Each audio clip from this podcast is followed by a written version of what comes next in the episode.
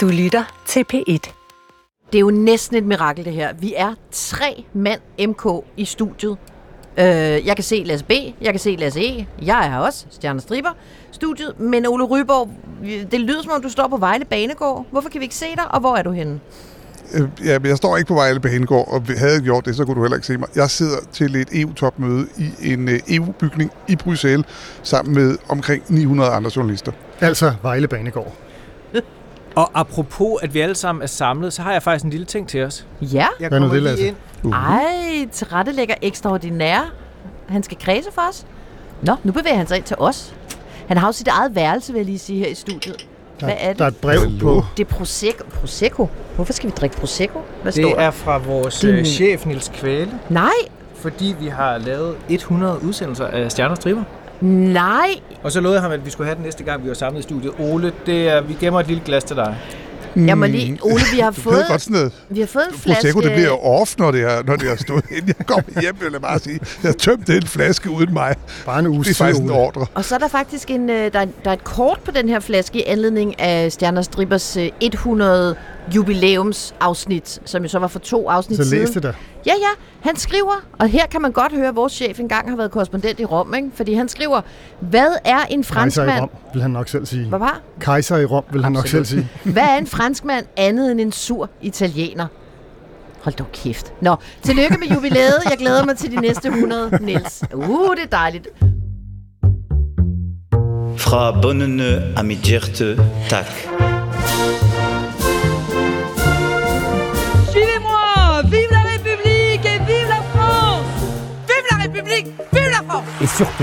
Vive la France. Et surtout, vive la France Velkommen til Stjerner og Striber. Der er mindre end en måned til, at vi har fundet Frankrigs næste præsident. Og nuværende præsident Macron, selv han er med på, at han skal til at føre valgkamp derhjemme, i stedet for kun at forsøge at øh, afværge 3. verdenskrig. Emmanuel, han er ude i multitasking øh, 2.0, men der vil jeg bare sige, at vi multitasker altså også meget godt igennem, synes jeg, her på øh, Stjerner og Striber. Mit navn, det er Stephanie Suryk. Jeg er korrespondent og podcast podcastbestyrer, og nu også øh, Prosecco-ansvarlig. Jeg burde egentlig øh, have været i Frankrig nu, øh, for at dække den franske valgkamp, men jeg er altså lige kommet hjem fra øh, Ukraine. at jeg landede decideret for, hvad, to timer siden. Det synes jeg er multitasking. Det er også det, Lasse E. han leverer. Øh, udlandsjournalist, lettere kongerække udfordret øh, hushistoriker, som Hov, er vendt... Øh, ja, ja, ja, var det den 14. eller var det den 16. Det er også lige meget nu. Øh, du er kommet ned fra de norske fjelle. Velkommen tilbage. Håber sandelig, du har haft en god skiferie, mens øh, vi andre vi har knoklet, Lasse. Ja, jeg tænker mig tilbage i en stolelift, der kører lige så langsomt op igennem grænskoven, øh, hvor sneen ligger fint på dine grænnålene. Det har været fantastisk, og jo helt stille, Stephanie. Ikke ligesom at sidde inde i et studie med dig. Nej, heller ikke ligesom i Ukraine. vel? Men kan du så ikke lige fortælle mig, når man så ligesom dingler rundt der i sådan en øh, lift op over grænskoven øh, og sidder ved siden af et par nordmænd, øh, taler man så om, hvordan nordmænd egentlig har det med at være naboer til Putin lige for øjeblikket? Det er jo lidt absurd, men det gør man faktisk. Altså, jeg kørte rundt det kan jeg godt sige øh, med en vis ærlighed, men snært af dårlig samvittighed over at sidde der blandt græntræerne. Hvorfor? Fordi det, er, der føles, det føles forkert at sidde der i sådan et vinterparadis, mens det går helt af helvede til i, i Ukraine. Men øh, de taler om det. Jeg mødte ind til flere af de her stolifte, der, der bragte det op selv, fuldstændig uprovokeret, øh, og talte om den store NATO-øvelse, der er i gang lige nu i den Nordnorge, og faktisk i, også i, nede der omkring, hvor jeg var. Og så om deres frygt for den grænse, de deler med, med nordmændene. Hvad er de bange for? De er for eksempel bange for den kæmpe store base, der ligger stort set lige inde på den anden side af grænsen, hvor en meget stor del af den, øh, den russiske øh, atomvåbensamling den er. Mm. Den kan man se på, øh, den kan man for eksempel for en af de her fyre, der fortalte mig, den kan du slå op på Google Earth, så kan du se de der ubåde, der ligger i, ude i, i havnene der, som sådan nogle lange ståliler, ikke? Således opmuntret, God yes, norsk frygt for 3. verdenskrig, så siger vi da bare lige velkommen til en anden multitasker. EU-korrespondent, Frankrigs entusiast, Ole Ryborg. Ole, du dækker jo ikke bare et topmøde øh, i dag. Nej, Ole, du dækker, nu har jeg prøvet at tælle med i dit program, ikke? Du dækker i hvert fald tre topmøder, ikke? Der var NATO-topmøde kl. 10, G7-topmøde kl. 2, og så et øh, EU-topmøde kl. 4. Har jeg alle øh, topmøder med her? Ja, faktisk, hvis jeg skal være sådan rigtig pedantisk, så var der et fjerde topmøde, for det, at EU mødtes med øh, Joe Biden, var faktisk et EU-USA-topmøde, så egentlig er det fire. Øh, At må jeg lige spørge om noget? har- I de der famøse 34 år, du har været i Bruxelles, har du, har du prøvet at skulle dække fire topmøder på én dag? Det lyder fuldstændig vanvittigt. Nej, det har jeg ikke. Og der, der sige, der skal man stå tidligt op øh, for det.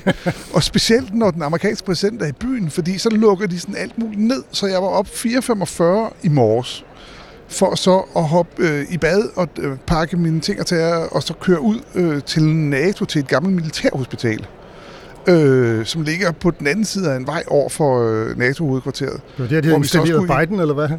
Nej, nej, dog ikke. Der skulle vi så øh, transporteres over til øh, gennem noget screening og bombehunde, jeg skal give dig, skal og alt muligt andet. Og så over til, øh, til NATO-hovedkvarteret, vi så skulle være, og så skulle vi så yder til noget screening og hen til doorsteps, hvor vi har, man har sådan nogle poolkort. Så jeg har jo faktisk her startet morgenen med at stå ikke længere end to meter væk fra Emmanuel Macron, da han kom, øh, og to meter væk fra Joe Biden, da han kom, og fra Scholz og fra Erdogan og you name it, Ole, må jeg ikke lige spørge dig om noget, der virkelig presser sig på hos mig? Hvis du har stået to meter fra øh, Macron, kan du så, kunne du så se, hvad han havde på? Altså jeg mener, i sidste afsnit, der talte vi jo om hans nye sådan øh, war-look, hvor han ligesom lader sig fotografere med hoodie og skægstube inde i Élysée-palæet. Mm. Var han blevet barberet? Havde han taget pænt tøj på? Ja, det havde han. Der var, det var jakkesæt, øh, det er sædvanlige, det der altså blå, eller hvad det nu er, slips og en hvid skjorte, og, øh, og han var nybarberet. Du stod op øh, 4.45, nu er klokken ved at nærme sig 10 om aftenen. Vi øh, skal strikke endnu en øh, stjerner og striber sammen på tværs af topmøder og lande og alt muligt andet. Og til det, der kan vi kun prise os lykkelige for, at vi jo har øh, tilrettelægger ekstraordinære på tasterne Lasse Berg. Så jeg tror simpelthen bare, vi erklærer stjerner og striber for pivåben. Bonjour à tous, mesdames et messieurs. Merci, euh, merci à vous. Der er simpelthen bare Ukraine på programmet, om det så er til øh, internationale topmøder, eller om det er i den franske nationalforsamling. Der talte Ukraines præsident, øh, Volodymyr Zelensky, nemlig i den her uge. Det gjorde han i onsdags. Og der må vi bare give ham, han lagde ikke fingrene imellem. Французькі компанії повинні піти з російського ринку. Franske firmaer skal forlade det russiske marked. Renault, Auchan, Leroy Merlin og andre. De skal stoppe med at sponsere den russiske krigsmaskine, morerne på børn og kvinder, voldtægter, røverier, plyndringer begået af den russiske hær. Alle firmaer må huske på, at værdi er vigtigere end profit.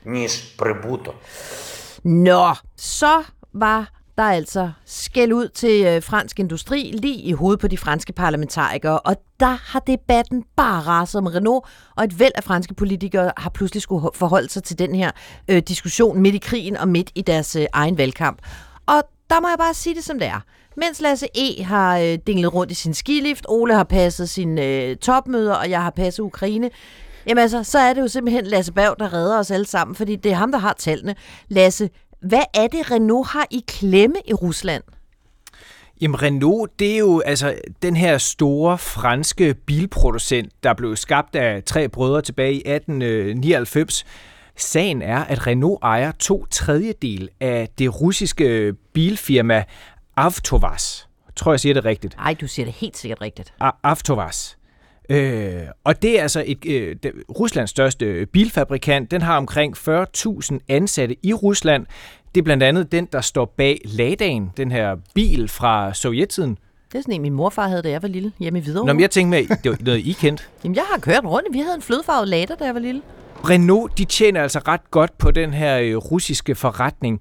Omkring 10 procent af Renaults indtjening, det øh, sker altså i Rusland, og det giver en profit i øh, før skat på 1,4 milliarder danske kroner. Og ikke nok med det, hvem tror jeg så er et stor aktionær i Renault? Det er den franske stat, der ejer omkring 15 procent af firmaet. Åh, oh, det er noget rod. Det er noget rod.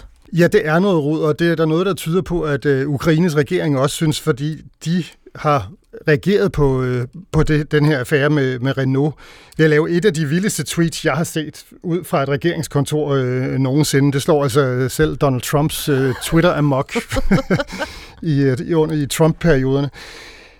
Jeg ved slet ikke, hvor jeg skal begynde henne, men altså, vi kan starte med billedet. Og fortæl lige, hvem, hvem lægger det her tweet ud? Ja, det gør Ukraines udenrigsminister.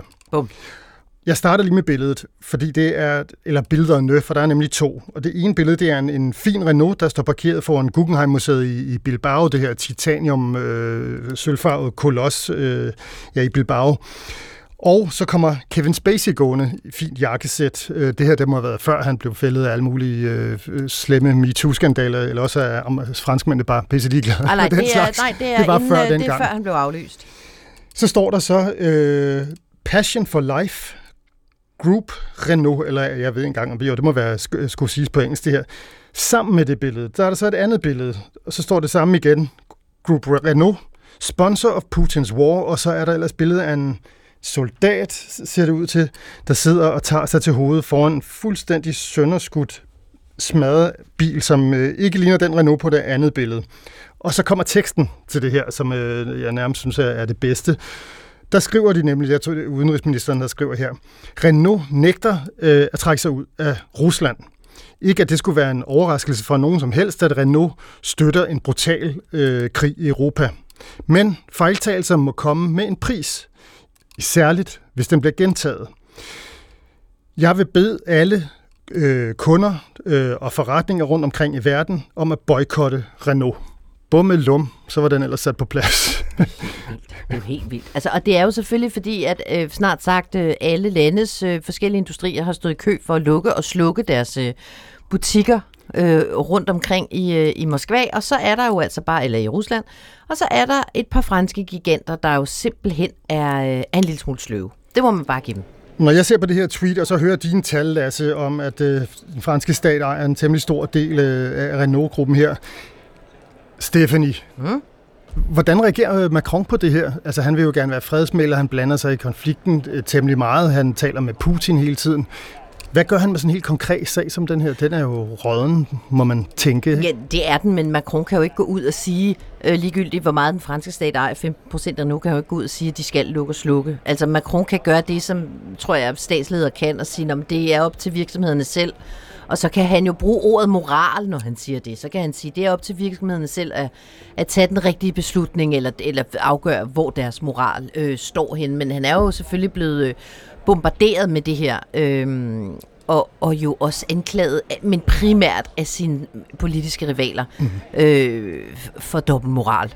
Øh, men det er jo ikke noget, der vækker stor genklang i, i Frankrig. Altså, De interesserer sig ikke så meget for det, eller hvad? Altså, han bliver ikke ramt af kritik på grund af det her. han bliver ramt af kritik, men kritikken bider sig bare ikke rigtig fast. Altså, det er som om, at den her øh, krig i Ukraine øh, har, har rullet Macron ind i teflon. I, altså, det er som om, han kan ikke gøre, altså, han- laver jo en masse fodfejl, det er jo tydeligt. Øh, men, men de bider sig bare ikke fast på ham. Altså, øh, og vi kan se målingerne, franskmændenes støtte til ham stiger og stiger. Det er, at han formår indad til at fremstå som den stærke leder, som har den hånd på rette, der skal til for, at øh, øh, Frankrig, måske endda Europa, kan, kan blive sådan sejlet nogenlunde mm. sikkert i havn gennem, øh, gennem øh, den her krig, som Putin har kastet os ud i. det, der er jo også det her dilemma, øh, det, fordi Macron er jo ikke den eneste, altså, øh, og de er super dygtige til det, de her ukrainere, altså de har jo også eksempelvis været efter Carlsberg i Danmark, fordi de har ølproduktion i øh, Rusland, og hvorfor bliver de ved med at producere øl på deres bryggeri i, i Rusland og så videre. Det var, ikke, var igen også udenrigsministeren. Så de bruger det her meget bevidst, og problemet for samtlige øh, politiske ledere, når de bliver konfronteret med det her, det er jo, at på den ene side, så er du jo øh, den, som skal sige, at alle skal følge loven, men øh, hvis du som virksomhed ikke gør noget, som er ulovligt, ja, så bliver det pludselig et spørgsmål om moral, og der kan du godt se, at man, øh, alle de her ledere, inklusive Macron, øh, er lidt tilbageholdende med at fortælle virksomheder, hvad de burde gøre ud fra rent moralsk synspunkt. Men noget tyder jo altså på, at Zelenskis opråb i hans lille militærgrønne trøje faktisk har virket, ikke? Fordi kort tid efter den her tale, så kommer Renault ud og laver en uvending og stopper Altså en uvending. Er du sjov nu? Jeg synes ikke, det er meget Ja, sjovt? Det er faktisk Lasse Berg, der har skrevet det i manuskriptet. Kan du ikke være at lave sådan nogle klichéer, Lasse? Undskyld. Nej, de stopper jo simpelthen produktionen af biler i Frank eller slutter i, øh, i Rusland. Mm. After the Ukrainian leader called for a boycott of the brand, Renault's board of directors appeared to bow to pressure this Wednesday evening. Den ukrainske leder bukker under for presset, siger øh, nyhedsverden på kanalen France 24. Mm. Men altså, Ole, det her var jo faktisk også noget, som øh, Macron blev spurgt til øh, i nærheden af dig i dag, altså efter NATO-topmødet, hele den her Renault-sag. Og lad os lige, øh, lad os lige høre, hvad han øh, svarede. C'est le choix des dirigeants de ces entreprises d'apprécier en fonction de leurs équilibres, en fonction de leur acte. Det er op til virksomhederne at gøre det rigtige. De skal overveje deres øh, indtægter og deres aktiviteter, og så skal de foretage det rette valg. Øh, det er Renaults valg det her, og det vil også være en hver anden virksomheds eget valg, hvis de vælger at stoppe deres aktiviteter. Det er jo sådan nærmest et ikke-svar, Ole. Kunne Macron øh, have svaret meget anderledes, end, end han gjorde i dag? Øh, nej, ikke øh, hvis det var han... Øh, eller, jeg tror, han gjorde det, han gerne ville, nemlig at undgå at komme til at svare på det. Ikke? Mm. Fordi, øh, hvad skal, men hvad skal du sige? Skal du sige, jeg opfordrer alle virksomheder til at lade være med at producere, men jeg har ikke tænkt mig at lave øh, noget lov. Hvis du ser det fra virksomhedernes side, så er det sådan, at hvis, de, hvis du siger til en virksomhed, øh, en virksomhed, virksomhed har lavet en kontrakt eksempelvis med Rusland, eller har et eller andet andet øh, køber- og sælgeforhold, Øh, og hvis du så bryder den kontrakt som virksomhed, så skal du betale erstatning til den, du har, har lavet en kontrakt med. Men hvis staten kommer og siger, øh, du må ikke fuldføre den her kontrakt, vi indfører en sanktion, ja, så slipper virksomheden for at, at, at lide et økonomisk tab. Så, så det der med at indføre moral over for virksomheder, det bringer jo virksomheden, så, så skal, siger du, at virksomheden selv, altså selv skal påføre sig selv et økonomisk tab, hvorimod hvis staten havde truffet den, altså politikerne havde truffet den samme beslutning, men med, med lov, så havde virksomheden, så, så havde virksomheden sluppet for det her økonomiske tab. Så det er jo sådan, altså, hvis, hvis du synes det som politiker, så, kan du, så har du muligheden for at lovgive for at gøre det. Og det gør de ikke, så jeg forstår sådan set sagtens, at Macron han øh, taler udenom, øh, som, øh, og han er jo ikke den eneste, det gør alle politikere på, når det kommer ind på det her emne. Я хочу сказать гордому русскому народу, Stefan, du siger godt nok, at øh, Macron er pakket ind i teflon, også når det mm. øh, angår det her spørgsmål. Men man kan jo ikke sige andet end, at det her faktisk har ramt øh, lige lugt ned i den franske valgkamp. Den franske olie-energigigant Total, som de fleste danskere nok kender, har jo nemlig efter pres sagt, at til årets slutning, så stopper de med at købe olie øh, og petroleum i Rusland, men vil stadigvæk holde fast i nogle gasforretninger, eller i deres gasforretninger, to gasanlæg, tror jeg det var mere præcist. Og det har jo fået en af de håbefulde franske præsidentkandidater, de grønne Yannick Jadot. Er det ikke perfekt udtalt? Jo, det er så perfekt. det har fået Jadot, siger jeg lige en gang til, mm. til at anklage Total for meddelagtighed i krigsforbrydelser. Intet mindre. det er jo ikke sjovt. Nej, nej, det er faktisk ikke sjovt. Men altså, det kan Jadot også godt. Altså, han skal han skal gå lidt langt. Han skal gå lidt langt for at blive hørt. Det skal retfærdigvis siges, at de grønnes øh, præsidentkandidat, han ligger lige, altså, lige øh, nede omkring 5% i meningsmålingerne. Så når han skal trække overskrifter, så skal han sige noget helt vildt. Og det er jo for eksempel at sige, hvis I kun stopper med at købe olie og petroleum, men I bliver ved med at have jeres aktier i øh, to gasanlæg, så er Total øh, meddelagtige i krigsforbrydelser. Og så trækker han også overskrifter. Og det er jo det, der bare er med Ukraine og Rusland. Øhm, det er jo simpelthen det, der styrer den franske mm. valgkamp lige nu. Øhm, men altså... Men, men du sagde selv lige før, at franskmænd ikke rigtig hopper på det her. Altså, de tror ikke rigtig på det. Nej, jamen, jo, jo, altså, der er jo masser af pres. Selvfølgelig er der masser af pres øh, i den brede befolkning for, at virksomhederne de skal stoppe deres aktiviteter i, øh, i Rusland. Det, det, det er der. Når det er sagt, så tror jeg ikke særlig mange franskmænd vil sige, ja, Total er meddelagtig i krigsforbrydelser. Altså, det er en, øh, en anklage, som, som er voldsom. Altså virkelig, virkelig voldsom. Den vil nok ikke holde i en retssag. Nej, det vil den nemlig nok ikke. Og det, det usædvanlige er jo så bare, at uh, Total jo så har valgt at, uh, ud, at sende en pressemeddelelse øh, om det, de selv i pressemeddelelsen omtaler som alvorlige og ubegrundede anklager om medvirken til øh, krigsforbrydelser. Og jeg, altså, det er jo bare ret vildt, at Total selv tager det udtryk i ja. sin mund, ikke? Altså, fordi... Øhm... Det viser jo, hvor meget virksomhederne de frygter de her beskyldninger, ikke? Oh, altså, hvis en virksomhed skal ud nu og sige, nej, nej, nej, vi er, vi er ikke, med, med krigsforbrydelser. Vi laver ikke krigsforbrydelser, så, så føler de sig jo også presset. Altså, det må, det, det må man sige, men, men øhm, og, og det ser også skidt ud, fordi, og vi er tilbage ved det, du sagde før, Ole, det hele ender jo i sidste ende med at blive en diskussion om de her virksomheders moral, for der er jo ikke nogen, der, altså, der, er jo ikke nogen, der for alvor tror på, at Renault og Total beholder deres aktiviteter for at øh, undgå at lukke russiske arbejdspladser, som jo er et af argumenterne for, om vi skal også passe godt på vores russiske ansatte. I Frankrig tror befolkningen jo ikke, det er det, det handler om. I Frankrig tror befolkningen bare, det handler om, at de vil ikke gå glip af deres indtægter. Sådan helt lavpraktisk. Ja, og, det, og så kolliderer det bare med en anden diskussion, der kører i Frankrig, fordi hvad er den vilde og voldsomme, eller en af de, de meget voldsomme diskussioner i, i Frankrig lige nu, det er jo, hvad gør vi med den her købekraften, ikke? Øh, og som bliver udhulet, og folk har ikke råd til at tanke deres biler. Vi er tilbage ved det, som startede de gule veste. Og hvis du skal begynde at gøre noget med olieselskabet totalt, eller hvis du, øh, altså jeg har hørt det så mange gange med briefinger her i Bruxelles, hvis det er, at du begynder at lade, vi lade være med at købe olie fra, fra Rusland som en led i en sanktion, ja, så øh, fører det til, at olieprisen stiger, og det vil sige, og der olie det er sådan noget, du kan sejle med væk med skibe, så kan de bare sejle det til nogle andre. Øh, og det vil sige, i virkeligheden, så, så kan en sådan en sanktion vil gøre det dyrere for, øh, for franskmænd, men at, at Putin ville kunne tjene mere øh, på sit olie, fordi, øh, fordi vi pludselig indfører sådan nogle sanktioner i Europa øh, eller andre steder. Så det, der, det hele det der er simpelthen så kompleks Øh, øh, så det er, og så sidder jeg selv lige og bliver en lille smule perpleks, fordi der var, jeg ved ikke, om I kunne høre bag ved, lige for lidt Der var siden, nogen, der, der klappede, men det var fordi, de synes, du, det var fordi, de synes, du kom med en særlig skarp pointe i Stjerner Striber. nej, jeg var nødt til at, ja, nej, det, svære ikke. Jeg var nødt til at vende mig rundt og se, hvad det var.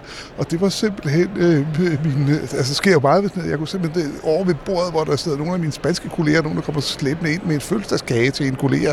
Nå, og så blev der, ja, så sådan er det også øh, her. Man er jo sådan et øh, lille, der er en lille international community på 900 mennesker, der kender hinanden. Og så må du så, over, når vi andre vi sidder og drikker Prosecco her efter udsendt, så må du over stille et stykke øh, spansk kage.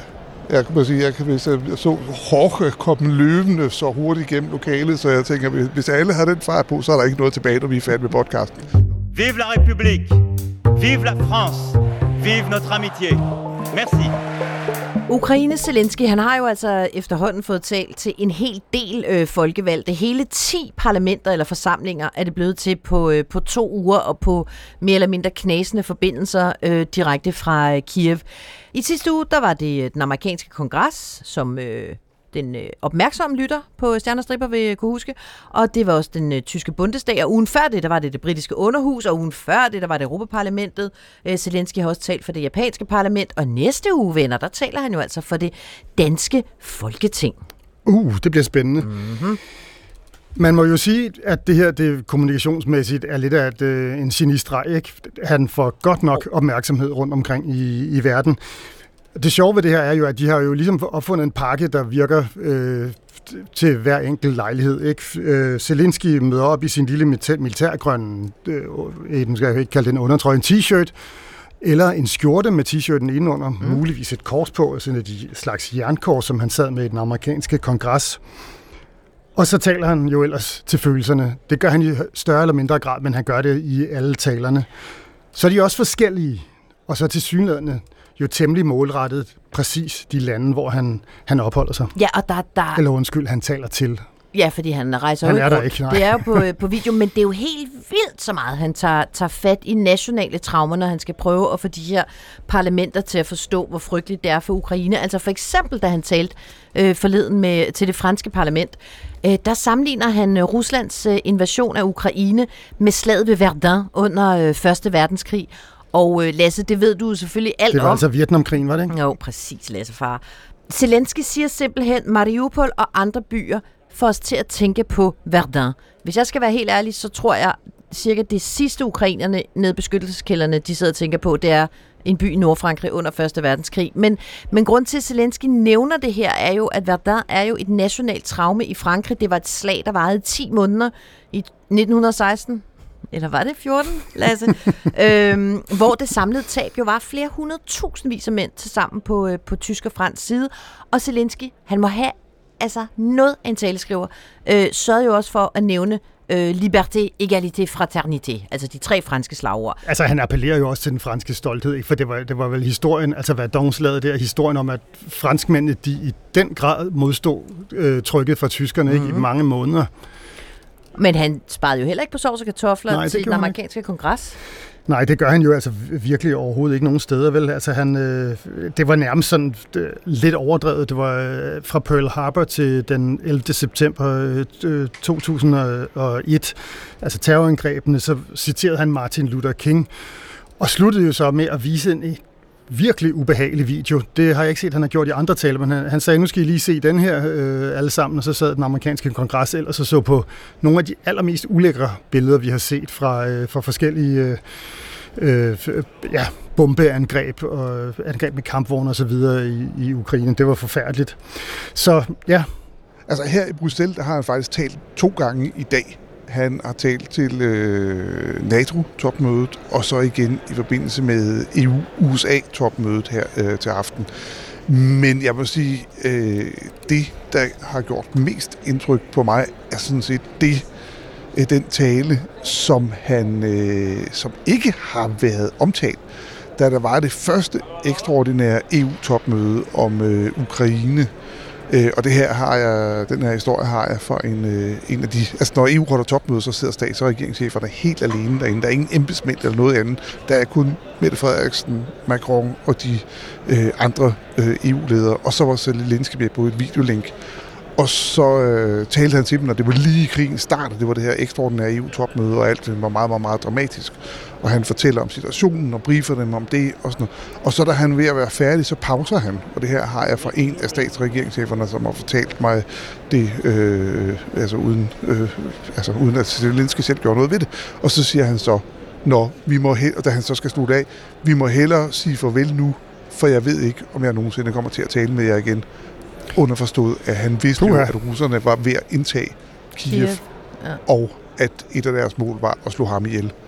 Og den historie, når du sidder øh, og får den fra en af de personer, der var inde i lokalet, den, det er den, som gik mest i mellemgulvet hos øh, mig. Så det er jo altså, vi må bare konstatere, at øh, det er en mand, der går i maven, og det er jo også fordi den her krig øh, og de ukrainske ofre går i maven. Men det er jo også vidderligt på grund af Zelenskis øh, talegaver. Og så må jeg bare sige, og så må man gerne anklage mig for at være kyniker, men jeg kan da ikke lade være med at overveje, altså, hvilken del af Danmarks historie han så har tænkt sig at støve af, når han skal tale med øh, Folketinget. uha, uha. Nå, men altså, hvis han taler Verdun med franskmændene og Pearl Harbor med amerikanerne, hvad bliver det så? Bliver det 1864? Ole, hvad tror du, han så frem? Øh, Bornholm, faktisk. Øh, han nævnte jo øh, Gotland, den der svenske ø, som ligger ude i, øh, i øh, Østersøen. Og, øh, den nævnte han, da han var, talte til det svenske parlament, ikke? Der, der sagde han, russerne kan tage og, Gotland. Ja, og øh, vi skal huske, at russerne havde jo lidt øh, problemer med lige at få fingeren ud og komme ud væk fra, fra Bornholm efter afslutningen af 2. verdenskrig. Så mit øh, bud er Bornholm. Being the leader of the world means to be the leader of peace. Udover skæld ud på øh, fransk industri, der stadig er til stede i Rusland, og udover at tale om øh, slaget ved Verdun, så var der altså også roser øh, fra øh, Zelensky til Macron. Han roste Frankrigs præsident for ægte lederskab i Macrons forsøg på at øh, jo altså undgå øh, 3. verdenskrig. Øhm, og så må vi også bare konstatere, at Macron, han knokler løs lige præcis på det punkt. Han har øh, talt i telefon. Det føler jeg faktisk, vi sidder og siger, hver gang vi laver stjerner stribe, så taler vi om, at Macron taler i telefon med Putin og Zelensky, men det gør Macron ikke desto mindre. Han gør det på sit kontor, den gyldne salon, Salon Doré.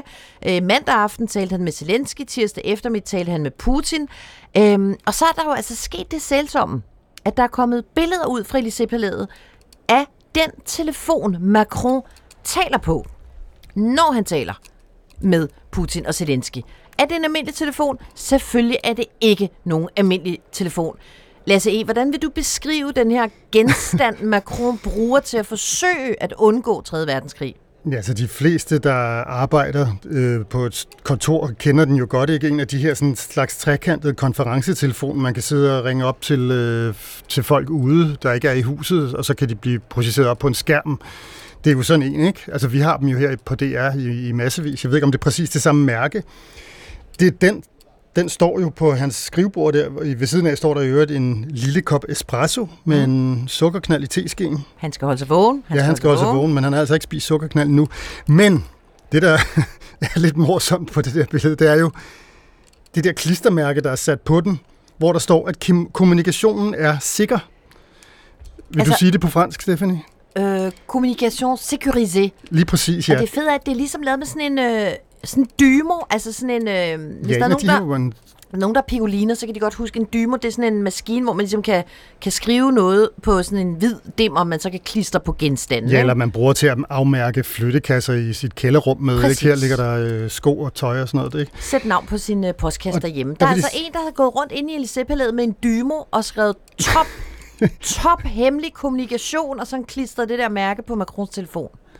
Der, Det- står, øh, der står ikke top hemmelig på din telefon, Stephanie. Nej, det gør der ved Gud ikke. Det Absolut ligegyldig kommunikation. bare smurt ind i fedtfinger. Nå, øh, men altså, øh, hvor om alting er med denne her øh, fantastiske, topsikrede øh, telefon, men jeg bliver simpelthen nødt til at sige, kunne man forestille sig, at der nogen, der rendte rundt ind i White House med en dymo, og så lige sat sådan en øh, very secret communication klistermærke på forskellige sådan dingenoter. Here you go, President Biden. Ja, this is Absolutely yours. secure. Hvor man alting er, den virker jo i hvert fald, og den er jo så, øh, så top secret, at øh, al fransk presse jo står på nakken af hinanden for at finde ud af, hvad er det, der bliver sagt i de her telefonopkald. Øh, I den her uge var det blandt andet øh, tv-kanalen M6, øh, M6 som, øh, som spørger Macron ind til, øh, til samtale med Putin. Verden for i øvrigt øh, sagt af vandvare, at Macron og Putin har talt sammen otte gange. Justement, vous l'avez eu huit fois au téléphone. Est-ce que cet homme est encore raisonnable Je dirais même que je l'ai eu beaucoup plus de fois. Et non. Der må Macron lige sætte ham på plads. Nå, nå, nå, nå, nå, nå. Vi har talt sammen mange flere gange. Så man jo så undre sig over, at de så ikke er nået længere i de her alenlange samtaler, der jo måske, måske ikke munder ud i noget som helst, men Macron fastholder jo, at der skal være en dialog med Putin for at finde en, en vej løsning. Så vil journalisten altså også spørge øh, Macron øh, til øh, muligheden, risikoen for en tredje verdenskrig. Ma dernière question, Monsieur le Président, beaucoup de Français s'inquiètent et se posent une question très concrète. Sommes-nous à la veille d'une troisième guerre mondiale Ja, mange franskmænd er bekymrede, og derfor bliver jeg nødt til at spørge dem, herr præsident. Øh, står vi foran en tredje verdenskrig? Og så gør Macron jo det, han øh, skal. Han lader faktisk øh, være med at svare. Han siger, øh, jeg er både optimistisk, men jeg er også bekymret. Det er jo sådan set ikke kun vores ansvar, det er i den grad også op til, øh, til Rusland. Det vil jeg gerne sige til jer helt tydeligt. Øh, det afhænger af, om Rusland vil eskalere øh, konflikten her. Og det vil sige, jeg kan faktisk ikke svare dig klart her i dag, for det er ikke op til mig. Je ne sais pas vous le dire aujourd'hui parce que ça ne dépend pas de moi. Og det er jo et stærkt svar, hvor Macron erklærer sig optimist og pessimist og siger, nu svarer jeg krystal klart, og samtidig også siger, så det kan jeg altså ikke svare klart på. Og når man så er så rundtosset her, så er det bare, at man i stedet for sætter bolden videre til Ole Ryborg og siger, den her snak om 3. verdenskrig, som øh, Macron jo altså forsøger at afværge på, øh, i det her tv-interview, er det en snak, man har i øh, korridorerne til det, det der, den der trafikprop af topmøder, du er til i dag? Ja, og det er desværre ikke kun en snak i korridorerne. Det er en øh, snak, som også foregår inden ved møderne. Og øh, det er en snak, altså det er et begreb, som altså jeg har siddet igen til baggrundsbriefing, både med øh, regeringschefer og med øh, nogle af deres nærmeste rådgivere, og med øh, nogle af de højst stående militærfolk, vi har i Europa, som når man sidder og kameraet ikke ruller, men man bliver briefet om nogle af de ting og analyser, der er, noget det jeg bruger, når jeg sådan efterfølgende skal forklare ting og sager i radio og tv, så har de brugt begrebet risiko for 3. verdenskrig, når de forklarer deres analyse. Så det, den, altså det, det er virkelig altså, dramatisk. Det, det kan nogle gange, så, så tror jeg, at folk godt kan have sådan en fornemmelse, at når vi står som journalister og, og, og taler om noget, vi så taler øh, skal vi sige, en stemning op. Men jeg vil sige, for øjeblikket, så har jeg det mere sådan, at jeg altså, har været øh, til, til ting, hvor folk fortæller, hvor, hvad deres bekymring er, men jeg faktisk selv taler det en lille smule ned, fordi det er et scenarie, der kan blive i fremtiden, men ikke der, hvor vi er lige nu, men en reel risiko. Så ja, det, det var det lange svar på noget, der egentlig bare kunne svares kort, nemlig ja. Men der er altså også nogen, der siger, at der kan se scenarier, hvor det kan ende væsentligt bedre end alle de her sorte billeder, som jeg lige Uh. har hældt op. vi trækker lige vejret igen her i studiet. Det var lidt det, vi trængte øh, til at høre. Tag et glas Prosecco. Ja, men det gør vi også lige om lidt, når du skal over gå for spansk kage. Mais moi, j'envisage d'être présidente de la République française. Lasse Biden øh, løber jo rundt til øh, EU-topmøder og alt muligt andet. Det Jeg løber og løber. Ja, løber og løber. Han stavrer i hvert fald omkring. Hvad vil han have ud af den her øh, europæiske turné, han har draget ud på? Altså først og fremmest, så, så kommer han jo hjemmefra, altså fra USA, med nogle virkelig skidte meningsmålinger. Øh, han er stadigvæk nede omkring 43 procent opbakning i befolkningen, men der er også tegn på, at amerikanerne nu i højere grad er med på, at der skal laves en større, altså amerikanerne skal spille en større rolle øh, i den her øh, konflikt i forbindelse med, altså med krigen i Ukraine. Det han jo vil, øh, Biden, og også i forhold til det hjemlige publikum, det er at vise, at han er forskellig fra Donald Trump. Donald Trump, der rejste rundt og talte om America First, og skabte splid på NATO-topmøder, skabte tvivl om, hvorvidt USA overhovedet ville være med øh, i, i NATO. Det vil han slette en gang for alle. Det skal simpelthen være slut nu. Han vil til, han vil til Europa og vise, at Europa og USA, Vesten, står sammen mod Putin. Ikke? Lykkes han med det projekt? Ja, i den grad. Og det er jo ret voldsomt øh, og, og super interessant at se, hvordan Vesten i den grad står sammen. For hvis man tænker på, hvad vi har set de sidste mange år, er jo, hvordan Rusland og Putin systematisk har forsøgt at splitte Vesten.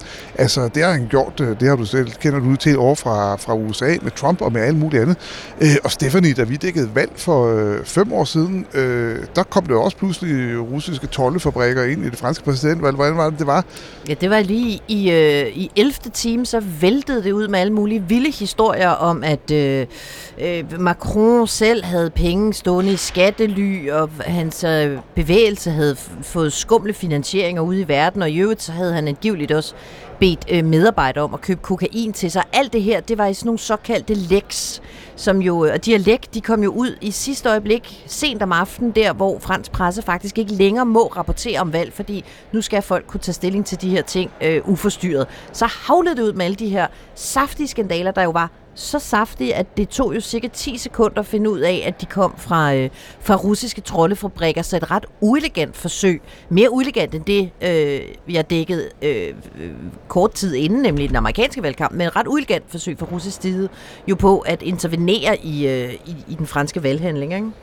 Og det siger jo bare noget, ikke? Altså, altså at hvor, hvor længe og systematisk russerne har forsøgt at skabe splittelse internt i de vestlige lande og mellem de vestlige lande.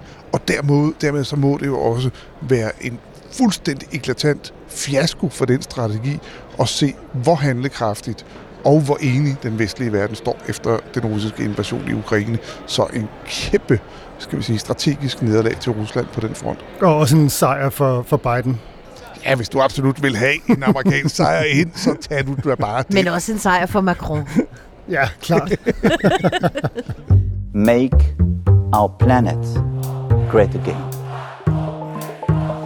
Nå venner, det er dejligt, at vi godt kan grine i stjernestriber, selvom vi også lige jonglerer med trusler om 3. verdenskrig og alt muligt andet. Og jeg vil bare have lov til at insistere på, at vi stadig gerne må glæde os over de små ting. Jeg synes, vi skal hylde afslutningsvis, fordi nu taler vi stor politik. Vi skal også nogle gange huske at kigge nærmere på de bilaterale forhold. Og med det mener jeg selvfølgelig, hvad sker der mellem Frankrig og Danmark, som er vigtigt i den her uge? Der sker jo det, at Frankrig vælger hold nu godt fast, at gøre Jørgen Let til, nej, ikke ridder af Dannebro, for sådan et har de ikke, men ridder af Ar et Lettre. Altså, Jørgen Let er blevet fransk ridder som tak for at øh, fremme kendskabet til fransk kultur i Danmark. Så tror du, han kan stoppe krigen i Ukraine, eller hvad? Nej, det tror jeg ikke. Jeg tror bare, at vi også har brug for nogle gange lige at huske, at der sker noget andet end krigen i Ukraine. Og jeg synes bare, Jørgen Let, han fylder 85 om fire minutter. Jeg synes bare, hvis nogen skulle være ridder af ar et lettre og alt muligt andet, så skal det være Jørgen Let.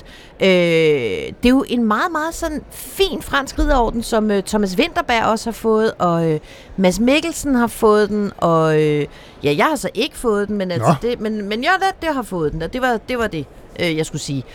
Men, han har jo... Han har jo også, han har også siddet i bedste sendetid, under, altså, når man har siddet og set Tour de France. Jeg ser det jo altid på fransk tv, men når man en gang imellem har været i Danmark og så set det, og så set det på, på øh, TV2, så har han jo altså øh, talt om fransk kultur og fransk mad, og hvor man kører rundt og så videre, med en poesi i stemmen, som har været en helt fornøjelse. Så hvis nogen har fortjent det, så er det vel også ham jeg har og en, dig, Stephanie. Jeg har bare en fornemmelse af, at det her lille afslutningsafsnit, det alt sammen handler om, at Stephanie gerne vil have den her franske klovneorden. Kan nej, det passe? det handler faktisk... Nej, fordi Lasse, jeg er ridder af Dannebro, jo, hvis det var det, du spurgte om. Det var sådan, jeg hørte det. Den det, franske klovneorden, altså ridder af Dannebro. Nej, men jeg mener bare, når man er ridder Dannebrog, behøver man ikke også at være ridder af Arletre. Men altså, øh, nej, det jeg egentlig gerne vil med det her, det er for os til at tale bare en lille bit smule om, øh, om cykelløb, fordi Tour de France kommer jo faktisk til Danmark. De første tre øh, øh, etapper finder jo sted i Danmark i juli måned, Øhm, og det er sikkert også i den timing, at Jørgen Let nu får den her fine orden, og hvor har han fortjent det? Det er skide godt, Jørgen. Det er fandme godt. Fandme godt, Jørgen. Men, men, øhm, men nej, der er jo også en anden mand, som om nogen i den her uge har gjort noget for at fremme de dansk-franske relationer. Ved I, hvem det er? Altså, som Pes, virkelig, pes. altså, som virkelig kan fyre den af, når det handler om Danmark og Frankrig. Altså, han er måske den, der fyrer den bedst af, når det handler om Danmark og Frankrig. Vi burde, få ham, Snake. vi burde få ham med i uh, Stjerner og Striber. Nej, prøv lige at høre, det er ham her. À 100 jours de près, je me réjouis d'accueillir les coureurs pour le grand départ ici à Copenhague. Det er brudt om, er det ikke det? Det er et godt bud, men nu siger jeg, der er ingen bedre i Danmark til at sige sætningen om 100 dage glæder jeg mig til at tage imod Tour de France her i landet. Det er kronprins Frederik. Bum. På flydende fransk. I en video, hvor han er iført lykra og racercykel fra top til tå inde på Amalienborg. Så siger han det først på dansk. Der er i dag 100 dage til Tour de France starter i Danmark. Og jeg glæder mig til at se rytterne køre forbi her på Amalienborg Slottsplads. Så smiler han lidt i kameraet, og så tæller han flydende fransk. Men, må jeg bare sige, har han øh, kørt på Kidesvej, som Tour de France-karavanen skal ud på, med, Hvor, hvor ligger Kidesvej? Den ligger i Vejle. Kidesvej, den stejleste bakke, som Tour de France kommer til at køre Det er en på. boulevard, faktisk. Uha. Nej, det er det ikke. Det er en vej. Men har han kørt på den med en fuldt lastet postcykel? Nu bliver det så Danmarks konkret, Ole Ryborg. vej. Jeg har lyst til at spørge, har du kørt på den med en fuld lastet Det er da postcykel? selvfølgelig har jeg det. For jeg har nemlig været postarbejder i Vejle, og jeg har kørt og trukket op ad ad Kidesvej med en fuld lastet postcykel og kørt ned ad den. Kidesvej ligger på Søndermarken i Vejle. Jeg er på Søndermarken i Vejle. Jeg har gået på Søndermarksskolen i Vejle. Det er den vildeste bakke. Du har Alle skal en uforlignelig evne til altid at være i midten af verdensbegivenhederne, ikke? Solkongen skal omdøbes til postmand Per fremover. Nå, og så kan det godt være, at I synes måske, øh, Lasse og Lasse og Ole, at jeg har puffet den her podcast lidt langt væk fra konteksten, når vi pludselig står til om cykelløb. Men, men Tour de France er jo noget, som franske præsidenter elsker, og således får jeg hævet det her tilbage i den franske valgkamp, fordi franske præsidenter, de ved udmærket godt, det er en ren badebillet afsted til et, øh, en etape på turen. Så tager man et bain de foule, som er det her franske politikslang for et øh, bad i folkemængden. Altså man tager ud og ærer nogle babyer eller nogle cykelrytter og trykker lidt i nogle hænder og får taget nogle gode billeder. Ikke? Og det jeg bare tænker, det er, kunne vi være så heldige, at Frankrigs præsident faktisk kom til åbningsetapperne i Danmark? Får vi Macron herop? Eller Marine Le Pen. Marine Le Pen, eller skal vi se Erik Semur i Vejle? Han elsker jo Danmark. Ja, det gør. Sandt. Det har jeg da sagt til dig. Det er sandt. Det har jeg sagt til dig. Det er bare det, jeg gerne vil sige. Det kan godt være, at der er øh, krig og dunder og alt muligt, og jeg er træt som en 800 år gammel mand, fordi jeg lige er kommet hjem fra Ukraine, men det forhindrer mig simpelthen ikke i, at jeg glæder mig til at se Tour de France. Vi drømmer om cykelløb i Vejle, fred i verden og Semur i Jylland. Ja. Yeah. Ja, altså Paris-Nice er jo lige færdigkørt og så videre også. Mhm. Altså sæsonen er i gang. Skal vi ikke have cykelløb ind i næste uge? Oh, skal Lidt mere, cyk- mere cykelløb, mindre krig og fred, Oh, tænker jeg. og helt kunne klart, være mere, øh, helt klart mere fransk øh, kampagnespor. mere jeg, fransk. øh, Nu, må, nu stopper jeg. Ja. Du rejser ikke tilbage til Ukraine, vel? Nu Nej, rejser du til ved du, Frankrig. hvad, ved du hvad? Nu, når vi er færdige her, så går jeg hjem og pakker min kuffert ud og vasker noget tøj, så pakker min kuffert igen, og så flytter jeg simpelthen til Montmartre i en måned. Så skal vi altså Sådan. lave øh, podcast i Paris. Og jeg kommer også snart til Frankrig, dog øh, formentlig første omgang kun til Strasbourg, men der kan jeg nogle øh, sjove valgkampshistorier derfra Det også. Så jeg kan, jo- tør også godt love mere fransk for min hånd, selvom jeg lige har lidt mere EU, jeg lige skal håndtere næste uge. Og Lasse og Lasse, vi ses også i Paris snart, gør vi ikke? Ja, jeg tror også, jeg er blevet tvunget til det. Nej, det er godt, det er godt. Det er Stjerner og Striber på vej tilbage, hvor øh, Stjerner og Striber egentlig begyndte, nemlig i Frankrig. Vi ses i næste uge. Vi snakkes ved næste det, uge. vi gør. Hey, nu skal vi have Prosecco.